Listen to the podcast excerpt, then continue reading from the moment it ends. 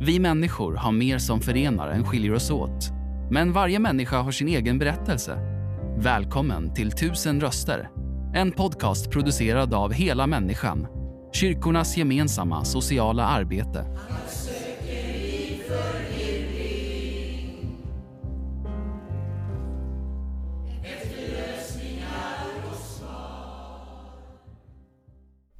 Ja, då är vi hos Hela Människans verksamhet här i Stockholms län. Och jag träffar Marie Gardesjö som är 57 år.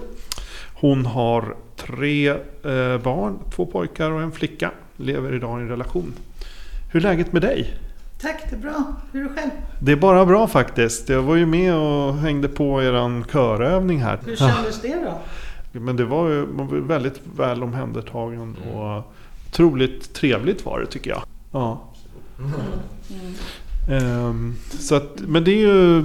Du, du jobbar ju idag för IOG, IOGT NTO. Ja. Nu sa jag det nästan rätt där i alla Mm, fall. Och du har ju jobbat även som kassörska på ICA och eh, lite socialkontor och lite sånt. Mm. Men, men du har ju ehm, lagt av med droger sedan 13 år tillbaka och Mm. Ja. jobbar då för den här organisationen som Ja, en nykterhetsorganisation. den största nykterhetsorganisationen i Sverige. Det också till och med. Jajamensan. nu fick jag säga det också. Ja, ja, eller hur? Ja, men det, det gör vi gärna reklam för. Mm. Ehm, så att ehm, Hela Människan startades ju också som en nykterhetsorganisation faktiskt. Mm. Gjorde det. Eh, 1920 där. Mm. För förbuds, att man skulle förbjuda, förbjuda alkohol. Mm. Nu vart det ju nej då. då. Mm. Men där startade Hela Människan. Mm. Och sen, vi är ju inte en nykterhetsorganisation i den bemärkelsen som ni Nej. är idag. Men eh, en mer social organisation idag. Mm. Men ändå, vi har de rötterna, samma Mm. rötter. Fantastiskt. Men du eh, är med också i den här kören. Vill du berätta lite om eh, vilken kör det är och hur det är att komma hit? Det gör jag jättegärna. Eh, Jag började sjunga i Gatans röster, är det nu fyra år sedan ungefär. Eh, Och jag sjöng i en kyrkokör förut.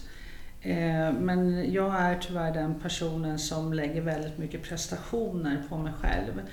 Eh, Det är ingen annan som gör det, utan jag gör det helt själv. Eh, Och jag kände att jag gjorde det i den här kyrkokören. Så att eh, jag slutade med körsång ett tag. Men jag saknade att sjunga. Eh, och jag har ju alltid tyckt att jag inte kan sjunga. Men så, så fick jag kontakt då med, med Anette eh, Kihlström på Hela Människan i annat ärende. Eh, och då var det en körövning i Immanuelskyrkan. Eh, och då frågade Anette mig om inte jag ville vara med. Eh, och där och då så kände jag så här, nej, nej, jag vågar nog inte. Men nästa vecka var jag där. Och på den vägen är det. För att jag kan säga så här att den här kören ger så mycket till mig. Eh, och vi ger så mycket till varandra. Vi har alltid kul när vi sjunger. Eh, vi stöttar alltid nya som kommer och vill prova på. Eh, men vi, vi är ett härligt team, verkligen. Vi har jättekul när vi sjunger. Ja, det märks. Ja. Va, vad är det bästa om du, du nämnde ju flera saker, men det absolut bästa med att vara med i den här kören, vad skulle du säga att det är? Då? Eh, ja, alltså om jag har en dålig morgon eh, och kanske inte alls har lust att sjunga egentligen så går jag till kören så räcker det med att det är någon som ler mot mig. Eh, så då, är jag liksom, då, då har de gjort min dag. Eh, och, och sången. Och, och det jag tycker är så skönt med våran kör det är att vi är så mångkulturella. Eh, vi är människor av olika, ja men vi har alla haft olika problem i livet och vi vill någonting gemensamt och det vill vi med sång. Mm. Och idag fick vi ju äran att se dig sjunga solo där framme på scen till och med. Fantastiskt bra gjort också. Tack. måste jag säga. Tack. Så att, eh, kul. Och då, den här glädjen eller den här rädslan att stå på scen har liksom förbytts i att faktiskt kunna stå där uppe och sjunga. Oh ja, verkligen. Det, det skulle jag inte ha gjort för några år sedan faktiskt. Utan det är ju en, det är en utmaning verkligen. Och det är ju flera utav oss i kören som eh, har utmanat oss att göra det. Och det är fantastiskt, mm. verkligen. Otroligt. Ja, jag skulle, som sagt vet inte om jag skulle våga men, men man vet aldrig. Kanske. Det tror jag nog ja, att du skulle våga. Några veckor så står jag där vet du. Ja, man vet aldrig. ja. Men eh, som sagt, du eh, eh växte ju upp i en väldigt dysfunktionell familj berättar du mm. om. Liksom, hur, vad, var det för något, vad var det för något du levde i? Liksom? Jag växte upp i en dysfunktionell familj, både känslomässigt och sen så var det i alkoholen.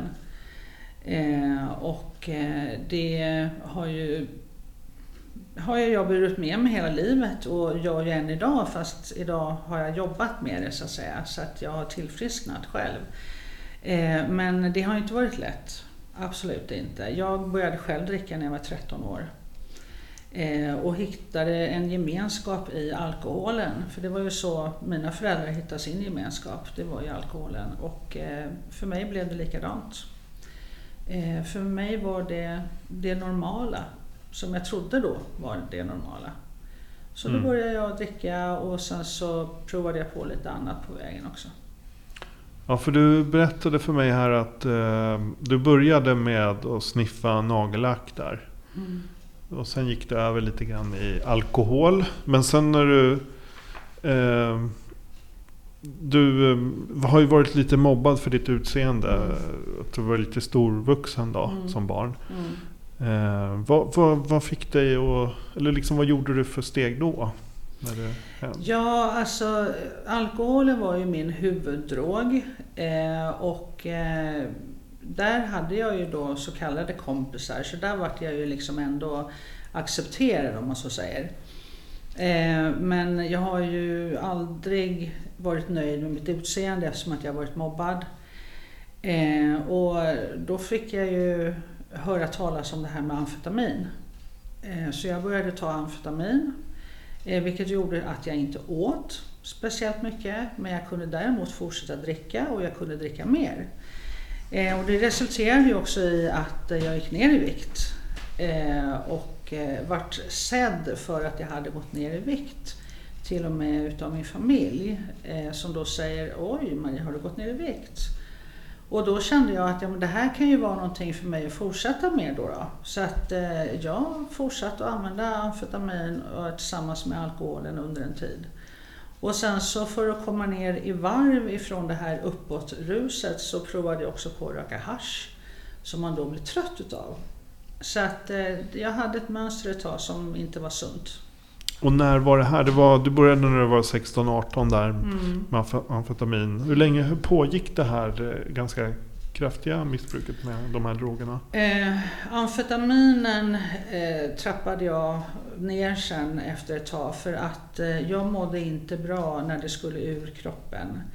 Eh, för den konsumtionen av alkoholen tillsammans med amfetaminen gav eh, ja, tredubbelt bakslag, liksom, eller bakfylla. Eh, så jag trappade ur min amfetamin men jag fortsatte fortfarande med alkoholen och haschen kände jag att det vart jag så konstigt trött av så den slutade jag också med. Men alkoholen fortsatte jag med faktiskt. Mm. Och den fortsatte ända fram till för 13 år sedan var det va? Det stämmer. Jag tog ett eget beslut för 13 eh, år sedan i år. Jag har inte gått på någon behandling, ingenting sånt. Eh, Däremot så har jag haft förhållanden och sånt som har inneburit väldigt mycket alkohol och, och bråk och, och mycket sånt. Eh, så att, eh, och sen eftersom att jag är uppvuxen i en alkoholiserad familj så till slut så kände jag att jag varit så himla trött på vad det här gör. Med mig, min omgivning, jag har mina barn, mina pojkar har, har fått eh, se mig i, i min alkohol så att säga. Eh, så att jag har inte varit någon bra mamma direkt. Eh, och så. Eh, men eh, jag kände att nu, nu får det vara bra. Så men du sa la av bara? Typ jag la bara av. Jag la bara av. Från hur hur hade du den viljestyrkan? Det låter helt ja, otroligt. Du, det, alltså. det är, eh, alltså jag hade kontakt med olika eh, föreningar. Det finns någonting som heter Alanon. Eh, och det är ju liksom alkohol, eller barn då till eh, till alkoholiserade så att säga. Eh, och kom i kontakt med dem. Så att jag bildade mig eh, andra saker att göra. Eh, och hittade en väg och förstod att jag är inte själv i att ha haft ett problem. Jag är inte själv i att ha levt i en familj där det förekommer väldigt mycket alkohol. Och det gjorde att det stärkte mig.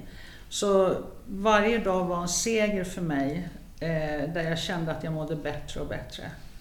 Så att, eh, ja, den var Men la, la du liksom av bara sådär över dagen? Liksom, nu slutar jag, eller var det liksom en kämpa, kämpande en tid? Eller hur funkade det för dig? Eh, det här, jag la av en midsommardag för 13 år sedan. Eh, på midsommarafton så var jag och några vänner och bekanta eh, nere och satt på en gräsmatta. Där det var sång och dans och så. Eh, och där satt vi och drack. Eh, och jag tänkte när jag satt där att det här är inte okej. Det här känns inte bra. Det är liksom barn här. Och här sitter vi och dricker med våran picknick. Eh, så på midsommardagen där sen så då tog jag beslutet att nu är det bra. Jag har barn omkring mig att tänka på. Jag, jag behöver tänka på mig själv också framför allt. Så om andra vill fortsätta dricka så får de göra det. Men jag slutade då på midsommardagen. Men hur går det för dig liksom att umgås med personer som dricker och så? Så här är det idag, att idag har jag absolut inga som helst problem med det. Jag kan till och med gå in på System- Systembolaget själv och köpa med någon sån här alkoholfritt som finns. Eh, Det utbudet har ju blivit mycket, mycket bättre mot Oh ja. när jag slutade för 13 år sedan. Eh, I början var det jättesvårt eh, att umgås med, med de som drack. Jag hade ju förhållanden där, där då mannen drack. Eh, och det, det, det var jobbigt. Jag ville ju få de här männen då som jag träffade och så att sluta dricka också. Men det går inte att få någon att sluta dricka som inte har viljan själv. Det, det har jag ju stött på några gånger. Eh, I början var det svårt att umgås med sådana som drack. Eh, och jag upptäckte ju väldigt snart vilka som var mina kompisar eller inte. Eh, för att de tyckte att jag var konstig som inte drack längre. Och varför skulle jag inte dricka? Det är ju så kul. Och liksom, vad ska du göra annars på fester och sånt där. Eh, men eh, ja, de ville inte vara min vän längre och då fick det vara så. Jag hittade andra vänner i nykterheten.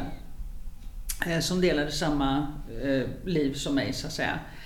Eh, och, eh, men, men sen successivt så kände jag så här att eh, nej men varför ska inte jag kunna gå in på Systembolaget även fast jag inte dricker?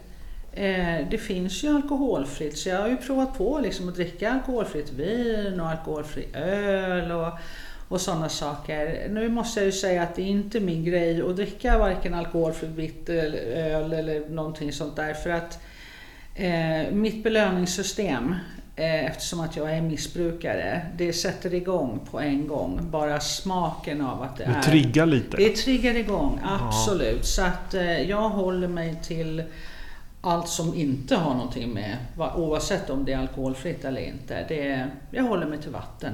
Eller kaffe. Det är- låter ju klokt.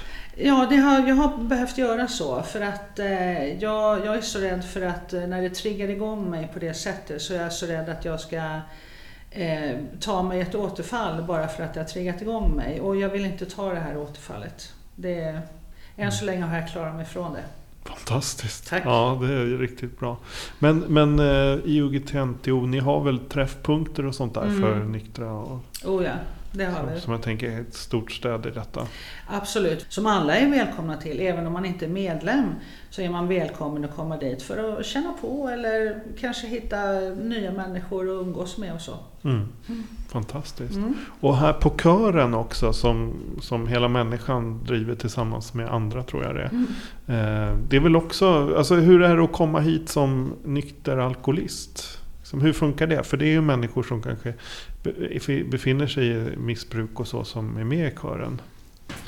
Eh, det är fantastiskt. Eh, jag, eh, jag har alltid tyckt om att ha med människor att göra. Jag tycker om den sociala aspekten i att möta människor. Eh, sen några år tillbaka, eller sen väldigt lång tid tillbaka, så har jag velat bli diakon. Eh, men det krävs väldigt mycket studier och eh, jag kan inte sätta mig och ta de studierna för det, det fungerar inte för mig. Eh, så Annette sa till mig vid något tillfälle att jag var Eh, ja, nu kommer jag inte ihåg vad hon kallade det för, men att jag var en socialistisk samhällsdiakon eller någonting sånt. Och det tyckte jag lät så fint. För det, det är så jag, jag, känner, alltså jag bryr mig så mycket om andra människor oavsett vilka de än är. Så eh, ibland på kören så, vi kommer ju dit allihopa ibland kanske och mår lite dåligt och, och, det kan jag oftast se ibland och då kan jag gå fram och prata lite extra med den personen och, och så. Och likväl kan någon se på mig när jag kommer om jag inte har en, en bra dag. Så att det här betyder jättemycket socialt för mig att få träffa eh, alla människor. Jag känner mig inte ensam i eh, min, eh, mitt missbruk som jag har haft. Eh, jag känner mig inte ensam idag heller för, för att jag träffar ju så mycket goda människor. Eh, och i början kommer de hit och så är de lite blyga sådär och, och, precis som jag själv var och sen så bara blommar man upp för att man får vara den man är. Och det är jätteviktigt. Det spelar ingen roll vad du har för problem eller har haft för problem. För det kan ju fortfarande vara som så att det, de i kören kämpar fortfarande faktiskt. Och då hjälper vi varandra. Mm. Mm. Ni kan vara en fin stöttning tänker jag. Absolut, verkligen som aldrig kommer fram. Precis som böcker i ett bibliotek som bara står och samlar namn. Jag tänker på det här just att du började när du var väldigt ung. Mm. Fanns det samhället runt omkring eller eh, sociala myndigheter och sånt som uppmärksammade det här på något sätt? Nej, det, det hade jag ju önskat att det fanns. Eh, när jag var Eh, bodde då eh, hemma hos min mamma och eh, gick i eh, mellanstadiet så eh, jag vart tyvärr misshandlad av min mamma. mamma ja. Eh, och jag vart retad och mobbad i skolan och jag, när jag, det var jumpa så dolde jag ju liksom att jag hade blåmärken och sådana saker. Jag var skolsystern och hon såg blommärkena, men det var liksom, och grannarna visste, en del grannar visste hur det var hemma. Men det var ingen som alarmerade eller gjorde någonting. Och jag hade ju verkligen eh, Idag kan jag säga att jag hade ju verkligen önskat då att det kanske var någon granne eller någon i skolan som eh, hade trätt fram och liksom eh, tagit tagit hand om mig, tagit mig under sina vingar och säga nu ska vi hjälpa dig Marie, du ska inte behöva ha det på det här sättet. Jag tycker samhället även tyvärr än idag är dåliga på att möta upp på det sättet. Faktiskt. Jag tror att vi är för rädda för att kliva in i andras problematik. Jag tror att det är det beror på. Och, eh, ja, det kan ju finnas både positiva och negativa aspekter i det tänker jag. Mm. Nej men så är det säkert. Men du var inne på det, liksom att man kan göra olika saker. Men om det är någon som lyssnar på den här podden och känner att oj, min granne, där verkar det vara problem, ungefär det här som du beskriver. Vad, vad kan man göra? Vad ska vara första steget liksom för? Eh, jag skulle kunna säga så här att eh, jag har själv gjort det faktiskt eh, eh när jag bodde på ett ställe där jag hörde att det var högljutt hemma och det lät nästan som att det var bråk och sådana saker. Och jag tog mod till mig faktiskt och ringde på dörren. Jag gick och ringde på dörren och liksom eh, frågade vad är, det, vad är det som händer? Jag hör att det är lite oljud här och, och så. Är det någonting jag kan hjälpa till med? Och jag vart ju inte så väl bemött, det kan jag inte påstå faktiskt. Eh, men, men eh, jag, jag tänkte i alla fall att jag gjorde dem uppmärksammad på att det hörs. Eh, nu var det inte barn i den här familjen, men eh, hade det varit barn då hade jag nog gjort en anonym anmälan till socialtjänsten. För det kan man göra? Det en kan anonym, man göra. Ja. Absolut, man får vara anonym. Jag tycker det är jätteviktigt att man förstår att man får vara anonym. För anonymiteten är jätteviktig i sådana lägen. Eh, för det är alldeles för många barn som far illa på många sätt. Det behöver inte vara alkohol och droger inblandat men det är alldeles för många barn som blir drabbade på ett eller annat sätt. Mm. Man kan verkligen önska att du, eller att någon hade gjort det i din situation. Absolut, verkligen. Men eh, det var ändå, ja men du började där som ung 13-åring. Och sen så kom du in på amfetamin 16-18 och sånt. Så var det ju ett långt liv. In, du hade ingen kontakt med sociala myndigheter och så under, under den här perioden. Ända tills du så att säga tog beslutet själv och slutade alltså. Mm. Nej, eh, nej absolut inte. Eh, socialtjänsten eller skolan, det var, det var ingen som eh, reagerade liksom, eh, för, för min del så att säga i att kanske hjälpa mig på något sätt. Enda gången jag fick faktiskt kontakt med socialtjänsten det var när jag själv fick barn Eh, och det var någon som faktiskt eh, hade anmält till socialtjänsten just då att eh, de tyckte att mina barn for illa, eller mitt barn, då hade jag bara ett barn, eh, for illa. Eh, och eh, då, eh, ja, men då var jag ju kallad till socialtjänsten och fick gå på samtal där, där och berätta hur, hur livet var. Och jag var, jag var väldigt aktiv då i alkoholen. Men eh, är det någonting en missbrukare är bra på så är det att kunna ljuga. Eh, och även manipulera. Eh, så att eh, jag klarade mig ifrån att förlora mina barn och det är jag ju evigt tacksam för. Tyvärr så gav inte det mig någon signal till att jag kanske borde sluta eller dra ner på drickandet. Jag var inte mogen för det just då faktiskt. Men, men det är enda gången som jag har haft kontakt med socialtjänsten. Intressant, mm. för det är ändå ganska många år. Mm. Vad tänker du om det själv liksom, så här efteråt? Eh, alltså, jag har valt att inte vara bitter eh, i, i hur, eh, hur jag har blivit bemött eller hur samhället inte har bemött mig. Eh, jag försöker hell, hellre se det till att jag hoppas att samhället lär sig. Eh, att de lyssnar på oss som har erfarenheter på många olika sätt. Eh, det finns de som har också mycket värre än, än vad jag har gått igenom. Men alla våra resor är ju jobbiga för oss en var så att säga. Och eh, jag hoppas verkligen att eh, det finns Eh, vad ska jag säga, att det finns människor som besitter sådana roller i samhället som faktiskt eh, kan gå lite grann på hjärtat och känslan också och inte bara på vad man har läst sig till. Eh, utan kliva ut mer i verkligheten och se hur det faktiskt är, vad som pågår i samhället. Mm.